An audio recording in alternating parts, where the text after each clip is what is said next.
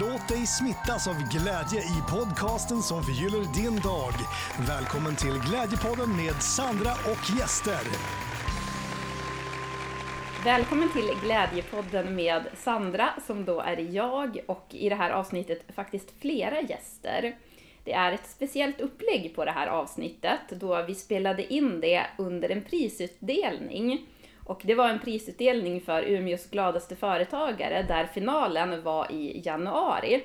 Men då hade vi några som inte kunde komma och ta emot sitt pris då för att de var sjuka. Så då hade vi en prisutdelning nu i samband med en nätverkslunch. Och därför, så i det här avsnittet, så har vi med Per Lindström som är med som prisutdelare för ett pris som var årets överraskningspris. Och det överraskningspriset, det gick till Oskar, nu måste jag bara tänka vad han heter i efternamn, Fjellner. Hästbruks-Oskar. Och eh, sen så fick vi in också en eh, specialnominering på det priset. Egentligen kunde man inte nominera på det, men vi fick in en nominering ändå av en väldigt glad och fin kvinna som heter Miriam som eh, nominerade Anja Persson och Filippa Rodin till Norrlands förebilder. Eh, det är det priset som vi ska dela ut här nu idag. Och du som lyssnar ska få vara med på prisutdelning och sen ett glädjefyllt snack med Anja och Filippa. Men först så ska jag rikta ett stort tack till våra samarbetspartners som är med och eh, bidrar till en gladare och hjärtligare värld. Och där vill jag börja med att tacka Helhetshälsa som är ett företag som jag har jobbat tillsammans med mycket genom åren och Eh, det är så fint att kunna få ha med då samarbetspartners. För det är ju bara, det kom, det är bara samarbetspartners som jag hjärtligt kan, eh, kan presentera som jag har med här i podden. Och Helhetshälsa är verkligen ett sådant företag som erbjuder kosttillskott, rena kosttillskott som jag verkligen kan rekommendera. Och eh, vi har ju också med Glimja som en partner där du som lyssnar får 15% rabatt med koden Glädjepodden med stora bokstäver. Så att eh, är du intresserad då av det, jag skulle kunna tipsa då, eh, om du är intresserad av Helhetshälsas produkter så kan du också gå in, om du är smart nu, gå in via Glimja och få 15% rabatt på det. Och de har också väldigt mycket veganska produkter, till exempel Alliomega och D-vitamin som är veganskt och som sagt maximal renhet i produkterna och ett fint företag att jobba tillsammans med. Sen så vill jag också, det här är också verkligen så här helhjärtat, jag vill rikta ett stort tack till Skinom som eh, erbjuder färsk hudvård. Och de har inga konstiga tillsatser heller i sina produkter, i sin hudvård. Och eh, de har jobbat väldigt länge med att ta fram den absolut bästa hudvården. Och det intressanta är att jag har testat det här och jag menar det verkligen när jag säger att hittills i alla fall i mitt liv så har jag aldrig testat någonting bättre. Jag brukar ha problem med torr hy på vintern och jag har testat alla möjliga versioner för det och det här är verkligen det bästa. Så om du känner att du vill känna dig som 16 år i hyn igen så rekommenderar jag verkligen Skinoms produkter. Och framförallt också för att det inte är några konstiga tillsatser i dem. För att jag är där en otroligt bra försökskanin när det kommer till eh, sådana saker eftersom att jag, eh, jag reagerar, jag, jag är så känslig jag reagerar, reagerar direkt någonting inte ja, men är naturligt eller bra. Men jag har inte fått någon reaktion, bara positiv och glad reaktion från min hud.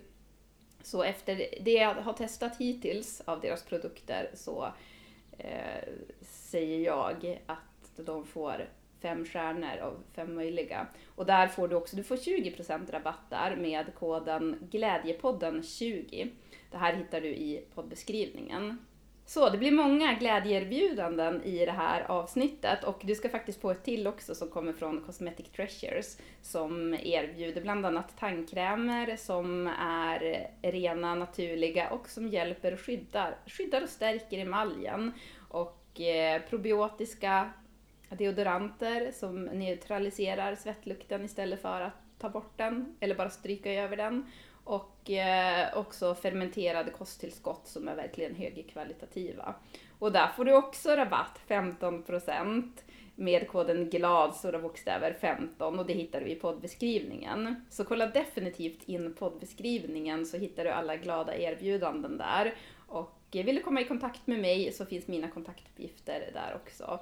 Och prenumererar du inte redan på den här podden så gör gärna det. Varje onsdag så bjuder vi på någon form av glädje. Så kör vi igång nu med den här veckans glädje. Nu så kör vi då utdelning ja. till dem.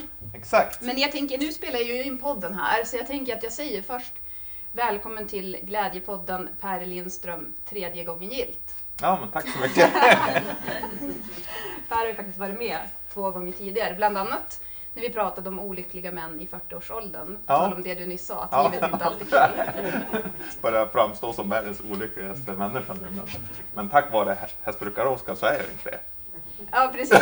Ja. Nej, men sen är det ju också det att eh, det är väl det vi har försökt att säga varje år med Umeås gladaste företagare. Att eh, det är inte den som är gladast och skrattar mest som vinner, utan det är just det här det känns ju nu, årets hjärtligaste företagare känns mer talande, det känns mer så beskrivande för vad det är för någonting. Så. Mm. Vill du får gärna hålla din mick lite närmare. Ja, okay, okay. Men har du någonting, nu när du får lite så här fame här igen, har du någonting du vill säga? Oj. Innan vi, innan vi delar ut priset? Nej, jag måste spara på min röst. Ja. ja. Men eh, då säger jag eh, varsågod Per och läs nomineringen. Ja. Eh, det här är chefer som bjuder in, hjälper till, sprider kärlek, glädje till mångfalden. De lyfter gärna andra och vi behöver starka kvinnor som banar mark. Norrlands förebilder är Anja Persson och Filippa Rolin.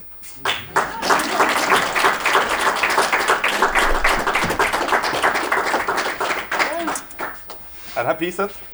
Ja, där är priset. Ja, okej, okay, dela ut det. Grattis, grattis. Vad roligt att vi spelar in podd nu när folk inte ser dem. Vi får försöka förklara vad som händer här. Ska jag langa över den här nu? Så ja, men det kan du göra. Langa över. Ska du och jag dela på den där? Ni kan få köra den mellan varandra ja, sådär. Ja, så vi, vi håller den där. Så. Ja. Kul! Alltså fantastiskt att få vara här. Och jättetråkigt att vi inte var med på finalen. Då låg ju faktiskt vi väldigt krassliga. Så att, eh, det här efter pandemitiden när alla blir sjuka, den tar oss med storm känns det som. Mm. Och det kan skada, skada oss att vi inte får gå på finalen. ja. ja, men då får ni vara med här och förgylla den här stunden, verkligen. Men eh, hur känns det att vara Norrlands förebilder? men det känns otroligt härligt. Vi är från Norrland och eh, i vårt arbete så får vi i stort sett alltid frågan eh, eller chockerande att vi bor i, inte bor i Stockholm. Så vart vi än är, om det är ja, men mycket goodiebags som skickas eller någonting, de ringer, ja men vilken adress? Och så säger man, ja, eh, Haga, ja, ja, i Umeå, aha, så att vi, Och det känns väldigt skönt varje gång vi får förklara för människor att vi faktiskt kan bo någon annanstans än i Stockholm. Att Sverige är mycket intressantare än bara Stockholm. Så det är vi väldigt stolta och nöjda över att kunna hela tiden bo kvar här uppe. Men det är också så här slående när, de, när man ska vara på en tv-produktion eller någonting. Så, ja, men då skickar vi en taxi. Eh, vad ska vi skicka den då? ja, men alltså var bor du någonstans? Tar de för givet att de skickar taxi någonstans i Stockholm. Och så säger de ja men vi måste ju först flyga ner eller åka tåg. För nu har vi gjort ett beslut också om att vi ska flyga hälften av, av eh, ja, men som vi har flugit, vi ska halvera flygningarna och ta nattåget till Stockholm och så sen så får vi flyga hem för vi kommer hem till barnen. Men, eh, ja, så man måste i alla fall ta sig en resa ner och sen får vi ta en taxi dit till TV-huset eller var man nu ska någonstans. Men det är liksom en självklarhet att alla bor i Stockholm, men så är det ju inte. Vi säger det, det är, Umeå är ju Sveriges metropol. Mm. ja, alltså jag som eh, jag har bott i Umeå nu tio år. Eh, men det var ju hit man flyttade när man kom från Tärnaby. Så mm. var hit man flyttade. Jag började på Mariehem med syrran när hon gick sjuksköterskelinjen och sen så flyttade jag utomlands i många år. Och så hamnade jag här igen. Men, eh, men det chockar mig. Vart jag åker med Filippa så träffar vi alltid en kreativ Umeåbo eller en, liksom en framgångsrik Umeåbo. Ja. Alltså det är otroligt mycket bra folk som kommer från staden. Jag, jag, jag blir aldrig förvånad. Men det är ju en ganska stor stad ändå, tycker jag. Mm. Ja, men jag läste någonstans att Umeå är idag där Stockholm började bygga tunnelbanan. Mm. Om man tänker på vart vi är på väg så, så expanderar Umeå väldigt snabbt. Mm. Men just det här att ni är förebilder då? Norrlands förebilder. På vilket sätt tänker ni själva att ni är förebilder? Alltså det, det lättaste att ta på det är att vi är förebilder som, på det sätt som vi lever, vi är gifta med varandra och en, en stark förebild för många. Eh, och att vi lever så pass normalt liv. Sen så är det ju Anja en stor förebild eh, med tanke på vilka prestationer hon har gjort. Så att det finns ju på många sätt förebilder och det är ju alltså en enorm stolthet att vara en förebild. Det är ett ansvar också.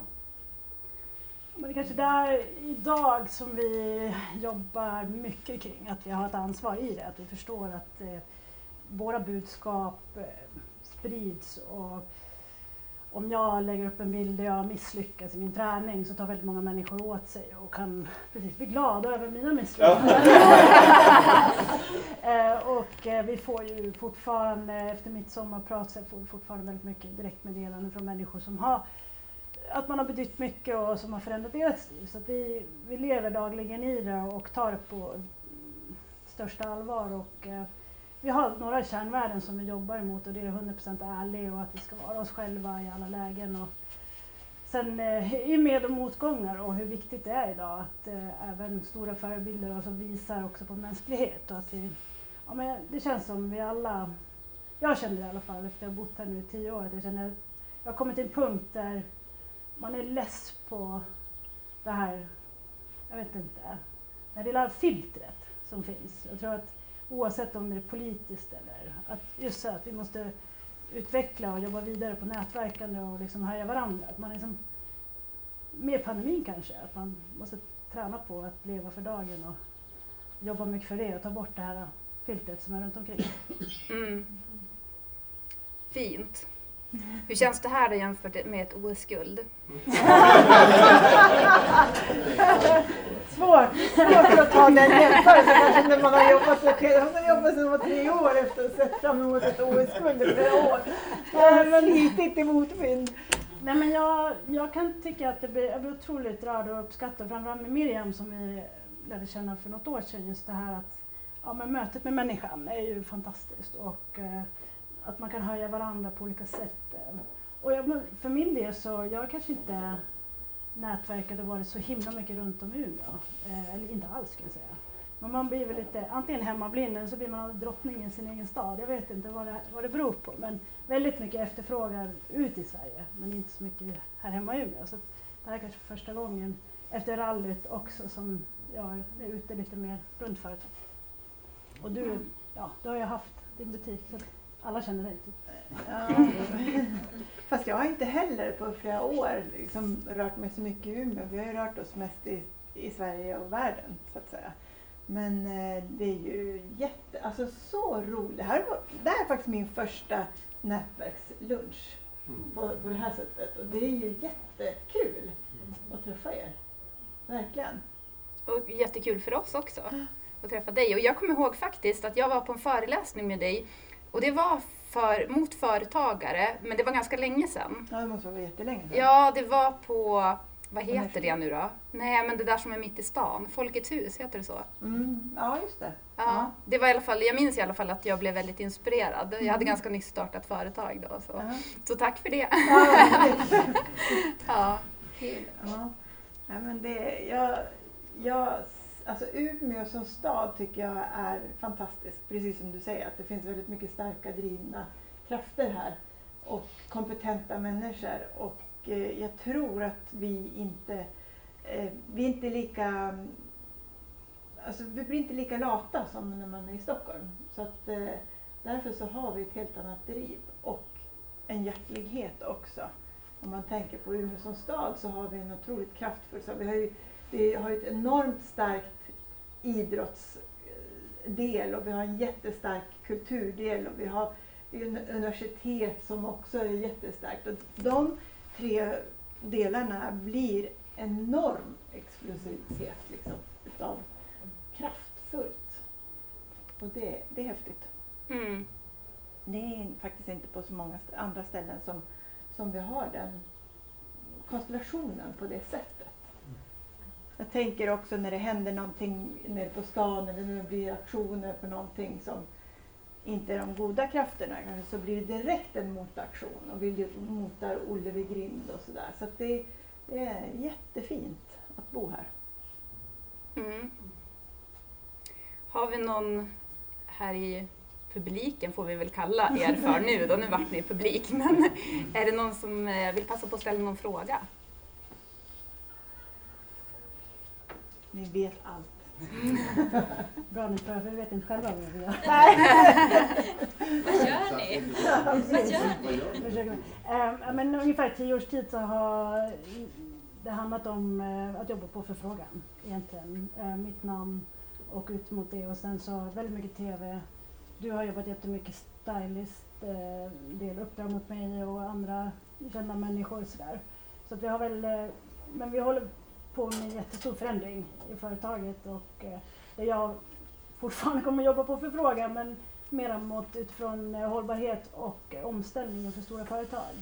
Eh, var nere och nätverk. Såg Sveriges, eller världens första vindkraftverk i trä. Alltså Mm. själva grunden. Och det är en jättestor innovation och kommer göra jättemycket för vindkraftverk. Och, ett exempel på hur jag jobbar där det är att sitta på lunch med, med massor, där var det också investerare och där jag kan liksom kanske vara den som är bryggan emellan. Att kan prata och ställa konstiga frågor och ja, men lite glädjespridare och kanske ja, vara lite den här oväntade personen. Um, en känd person som kommer in och lyfter både företag eller andra. Och det kommer bli mer och mer mitt jobb framåt. Ehm, vill kunna vara med i processen i hållbarhet och omställning. För det är en av våra stora grundpelare i hållbarhet. Ni kanske har sett, vi har byggt det här huset ute i utanför Sävar eh, och där är också ett jättestort projekt på gång mot att få byggbranschen att bli lite mer hållbar. Men det är ju en stor process, det är det ju. Och du, du ska bli tillbaka till din kreativitet. Mm, precis, jag har inte varit så kreativ under de ja, men 10-15 åren bakåt. Utan, förutom att jag har stylat folk så. Men jag har inte handgripligen varit så, så kreativ. Och det har jag varit ganska nöjd med. Men nu så känner jag att nu vill jag tillbaka lite mer till det kreativa. Så att eh, jag ska väl inspirera människor till att...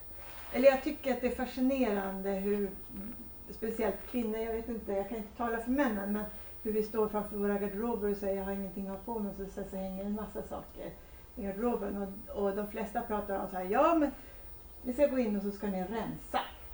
Det kan väl alla, men vad händer efter man har rensat dem? Men fortfarande de där kläderna som hänger. Och jag har ju, som jag har jobbat med att styla och eh, med folk i så många år så har jag ganska mycket bra att tillföra. Så att eh, det är väl det som jag vill att inspirera folk att vara mer hållbara i sina garderober. Eh, eftersom klädindustrin är en enorm bov just med miljöförstöring. Men också visa på att, för vi har också ett behov av att konsumera till en viss del. Men hur konsumerar vi på ett hållbart sätt? Addera det till eh, garderoben eller ditt uttryck, hur du, hur du uppfattas som av andra personer. Och så så att eh, egentligen styla men kanske mer brett och folkligt, alltså visa det utåt. Det som jag har jobbat med alla år. Mm. Vad glad jag blir att höra båda er så här hållbarhet och verkligen med inriktning mot glädjen då. Mm. Mm. Jag håller på att övertala henne att folk ska få kunna vinna en styling.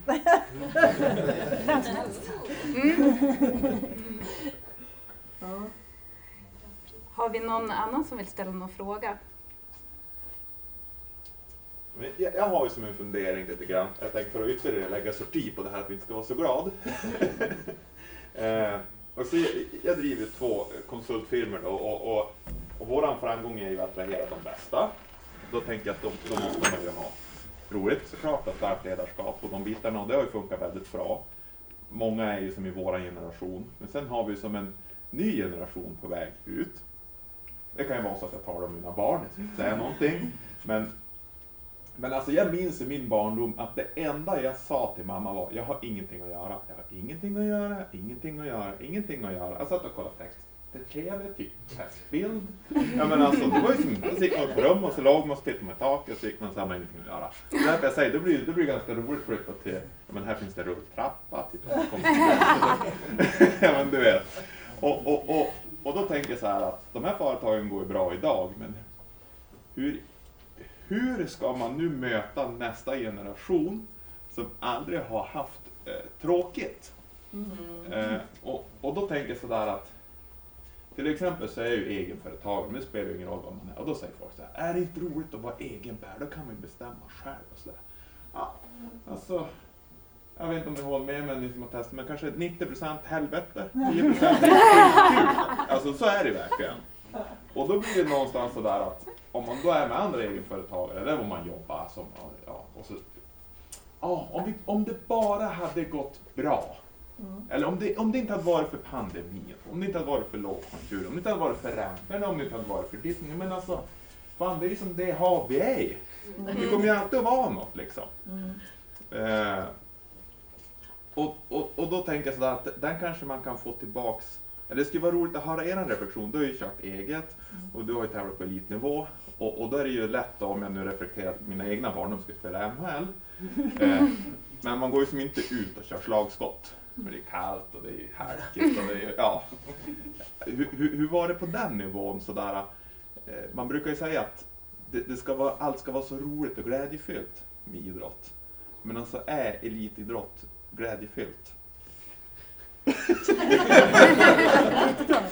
Eh, ja, men, i- idrott är ju glädjefyllt tills det kommer till en nivå där det blir ett jobb, det blir ett Ja, yrke. ja. Alltså, som alla andra yrken så blir ju Alltså världselit är inte hälsosamt och det är absolut inte kul alla dagar i veckan.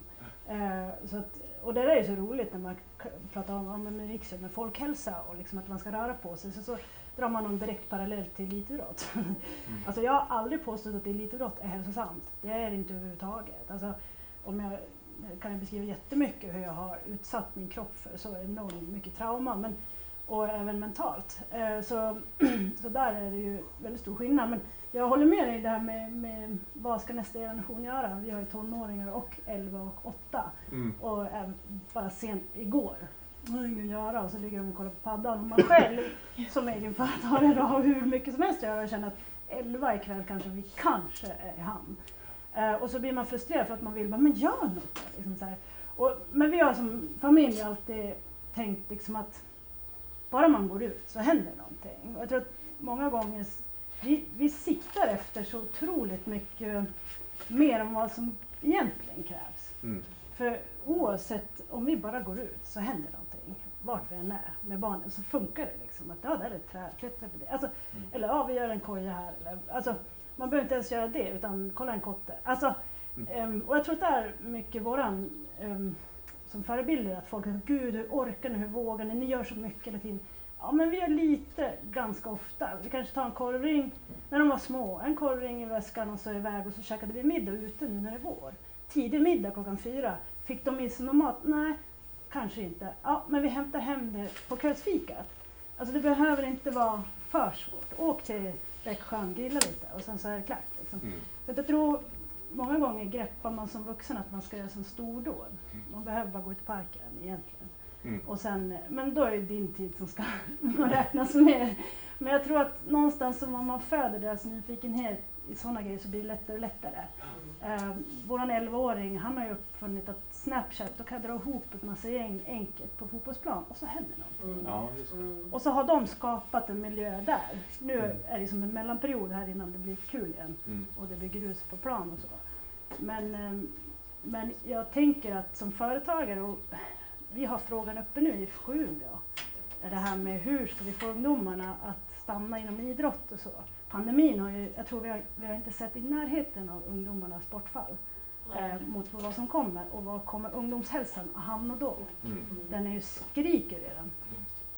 Och jag tänker att, ja, men som jag pushar nu i IFK Umeå, att vi ska starta en liten ungdomsgård torsdag, fredag, lördag eh, på Vildmanna. Öppna kiosken. Alltså så här, men det måste ju då ideell kraft komma in och så vidare. Så det är ju tungrot. Men jag tror vi måste bara tänka, alltså även i företagen, att kan man göra det så enkelt att man hittar samlingspunkter för ungdomarna inom id- eftersom det här är Sveriges största idrottsstad tydligen. Mm. Kan vi samla idrotten lite lättare? För jag upplever som förälder, alltså jag har stått i basketkö för ena sonen i fyra år snart. För det är för att vi inte har ledare. Mm. Och det, vi har inte tiderna i hallarna och så vidare. Okej, kan vi ändå aktivera kidsen på något annat sätt? Mm. skapa, ja men vi har där energiarena, Umeå energiarena. Skulle de kunna gå in och hitta något ledarskap torsdagskvällar? Där man bara håller på på den ytan, leker, kommer som helst. Alltså, jag tror att vi kan engagera ungdomarna och lära dem massa saker om man kanske går in och aktiverar på lite mer bredare håll. Mm. Men om man tittar på ungdomar och, så här, och utvecklingen idag så är det ju också extremt viktigt att vi har ett ansvar, alla vuxna, att, eh, att guida dem rätt. Därför att det är ju lite stökigt just nu på många ställen. Och då, och, men med tanke på Vildmanna också, så här, där är de och spelar mycket boll. Alltså våran, våran tonåring, nu, de, förra sommaren, de var ju jämt där och spelade boll. Men när ungdomar samlas också på ett och samma ställe så kan det ju lätt komma dit också folk som man kanske inte vill ha där. Alltså Mm. andra vuxna som drar in dem i saker som man inte vill ha dem i. Och med tanke på läget idag med både droger och det ena med det andra och så, där, så krävs det också att det finns någon vuxen där som kanske finns bara runt omkring. Det krävs inte så mycket. Och då hoppas man ju att det är fler vuxna som kan ta lite grann av sin tid, stå där i kiosken tillsammans med en annan. Det kostar inte så mycket men man ger en enorm trygghet för de här ungdomarna som, och också att de liksom håller igång med idrott. Mm. Så att, eh, ja, jag tror vi måste, på något sätt så måste vi, och det är också för Umeå som stad, alltså vad vill vi ha för stad? Vill vi ha en stad som är välmående där vi ska, där vi ska känna oss trygga och glada och, och sådär så måste vi ha, jag tror vi måste ta ett större samhällsansvar. Mm. Ja, ja. Det är en bredare fråga. Mycket svar, jag vet inte om du har svar Jo, på men, fråga. jo, men alltså det, Men det, glädje det, i- i det- kanske inte fick så Nej, men alltså det här att jag tar med mig det där som vi egentligen har pratat om en gång i, i, i en podd eh, för länge sedan. Men, men den här lilla glädjen, alltså lilla återkommande glädjen. Mm. Eh, alltså, då, då tog jag till exempel eh, fallet då med, alltså då vi startade hade vi bara pulverkaffe. Mm. Vi hade en kaffemaskin. Och det kan man ju tycka är väldigt banalt sådär. Men, men jag menar just att om man har varit med, alltså det är klart folk gnällde att vi inte hade råd med en kaffemaskin. Eh, sådär. Men, men man har varit med, man har skickat sin faktura och en del av den fakturan har ju nu finansierat den här kaffemaskinen. Då blir det lite roligare att dricka kaffe. Mm. Och kaffe dricker man ju tre, fyra gånger per dag. Du får, alltså lite grann som du är inne på, alltså där man, ja men vad fan gå ut. Man Mm. behöver ju inte ta hem Leos lekland varenda gång. Det Utan- gör ju vi. Ja. Men jag vet vad du säger med det, för att eh, när jag föreläser så pratar jag faktiskt om en kaffemaskin. Hur Mm. enkelt det kan vara. Vi hade en Kanske har tagit det Ja, precis. Ja, men vi, vi hade en liten eh, bärbar Nespresso-maskin med oss som vi satte vid min serviceman som gjorde skidorna. Och det blev en mötespunkt för alla, både åkare, tränare, servicemän. Men det var på min servicemans eh, promisser, för det var vid hans bord, så alla var lika värde där. Eh, det är en enorm ranglista inom idrott också, vem som får göra vad. Men jag tyckte ju det där var slöseri av eh, resurser. Alltså det, måste, det, Alltså det är ditt. I- Ja, men o, nej, oavsett. Mm. Alltså, när kommer en förbundskapten och sätter sig där nere, då är inte han förbundskapten. Utan då har han idéer om vad som helst. Som servicemannen säger, "Ja, det tycker jag var en dålig idé. Alltså vi tog bort kavajerna, alltså, där nere är det bara en kaffemaskin och sen så får alla prata. Vilket gjorde att vi hittade resurser hos varandra som man inte trodde man hade. Och, där blev en, och så jag brukar prata om att när man har ett företag och man kan ta av sig kavajen ibland, för man sätter på sig en kavaj när man går in på jobbet. Kan man byta miljö en gång, som kanske här på en lunch, då börjar samtalet vara annorlunda. Och så var det i landslaget också. Konstigt nog, varje gång vi hade vilodag, dagen innan vilodag gick vi åt äh, middag på ett annat hotell, alltså hotellet bredvid. Av någon anledning tog vi av oss landslagsjackan och helt plötsligt på den middagen började jag fråga min kompis, du, hur är det med din pojkvän egentligen, trivs ni ihop? Det skulle jag aldrig fråga på hotellrummet fast vi bodde med varandra två veckor. Det ska jag aldrig fråga. Men jag frågade där. Jag tog av mig kavajen. Så att byta miljö och hitta en annan kaffepunkt eller så, Mm. det gör väldigt mycket. Sådana här saker kan göra extremt mycket. Vilket jättebra glädjetips. Ni ska få en avslutningsfråga också som man brukar få i Glädjepodden. Om ni ska få skicka med någonting från ert hjärta till de som lyssnar. Det kan vara precis vad som helst. Eh, Från vårt hjärta, alltså ska det vara glädjefyllt eller ska det vara... Det Någonting som ni känner så i hjärtat, så här, men det här vill jag dela med mig av till lyssnarna. Det kan vara till exempel något tips eller något fint citat eller någonting så här som är betydelsefullt eller... Eh, nej men jag, jag tänker så här, ofta så, så är vi väldigt duktiga på att ge varandra kritik och det kan vara konstruktiv kritik och så här, och det är bra. Jag, jag älskar kritik och speciellt konstruktivt såklart. Men, men det vi är sämre på det är att eh, berömma. Ja men eh, en i butik till exempel som gör ett riktigt, där man känner sig nöjd över den service man har fått eller ett möte som man har ute på gatan med någon som man inte känner. Eh, det tycker jag att vi ska bli bättre på. Att, att se det där lilla och lyfta det och säga det framför allt. Så att den personen får veta att ja, men det här var ju, alltså, du är grym. Eh, Mm. Vad glad jag blir att du sa det här. Eller vad glad jag blir att du hjälpte mig med det här. Mm, Ja. Jättebra. Men om jag ska säga någonting så... Eh, väl, vi är programmerade att tänka negativa tankar. Eh, tio stycken minst innan första positiva. Eh, och en dag kan se ut så att man känner att man inte har fått någonting gjort. Då har jag ett tips. Då går man till hallen och sorterar handsklådan eller mässlådan eller någonting i hallen. Då vet du att du har gjort någonting bra med dagen. Och sen går man och lägger sig lite mer nöjd än vad dagen har varit. Så små saker, avsluta alltid dagen med något positivt. Alltså Mm. jag bockar alltid, oavsett dag, om det har gått åt helvete hela dagen, så går jag och gör något som jag vet jag kanske inte ska göra och så känner jag mig nöjd med dagen för att jag ändå lyckas göra den där grejen. Alltså tagit upp de där toapapperna eller whatever. Liten, liten sak i vardagen och så vänder man sin dag och går och lägger sig lite nöjd. Ja, och det där, om man jobbar med någonting kreativt kan det vara så skönt att göra någonting bara rent praktiskt, sådär som du sa, sortera handskar eller vad det handlar om för någonting. Gör det enkelt. Ja, och jag tänker på det du sa också Filippa. Förra avsnittet så, eller nu måste jag bara säga, jag vet inte när jag kommer sända det här, men Dr. Diamantis var i alla fall med i ett tidigare avsnitt där han berättade om att han hade läst att om man säger en negativ sak så behöver man säga 17 positiva saker för att väga upp det där, för det är ju det negativa som man kommer ihåg. Så det är också så här att ju mer man då kan säga positiva saker till människor, för man vet ju inte om jag säger någonting positivt till dig, då kanske du precis innan har fått höra något negativt utan att jag vet om det. Men då kommer ju jag som så här, ja, boostar upp dig. Och jag har också läst om det där själv, att beroende på vem man säger en negativ sak till så behöver man kompensera det olika mycket. Och då minns jag, nu kommer jag inte ihåg exakt siffror, men jag minns att det var så här, svärmor var det värsta. Säger man en negativ sak till sin svärmor, då är man som körd för typ resten av livet. Så ja, det kan vi ju Tänka på. tänka på. Ja, Kanske lika andra vägen. ja precis. ja, så kan det vara. Tvärtom också, precis. Ja. Ja, men tusen tack för att ni är med och sprider glädje, Norrlands förebilder och eh, för att ni har varit med och spred glädje också nu till de som lyssnar här. Tack så jättemycket. Tack för att du fick komma. Har ni något ni vill tillägga? Eh, eh, nej, inte just så här. Nej. Vi- Då, då tänker jag så här, jag har en grej jag vill tillägga och det är en applåd från de som är här.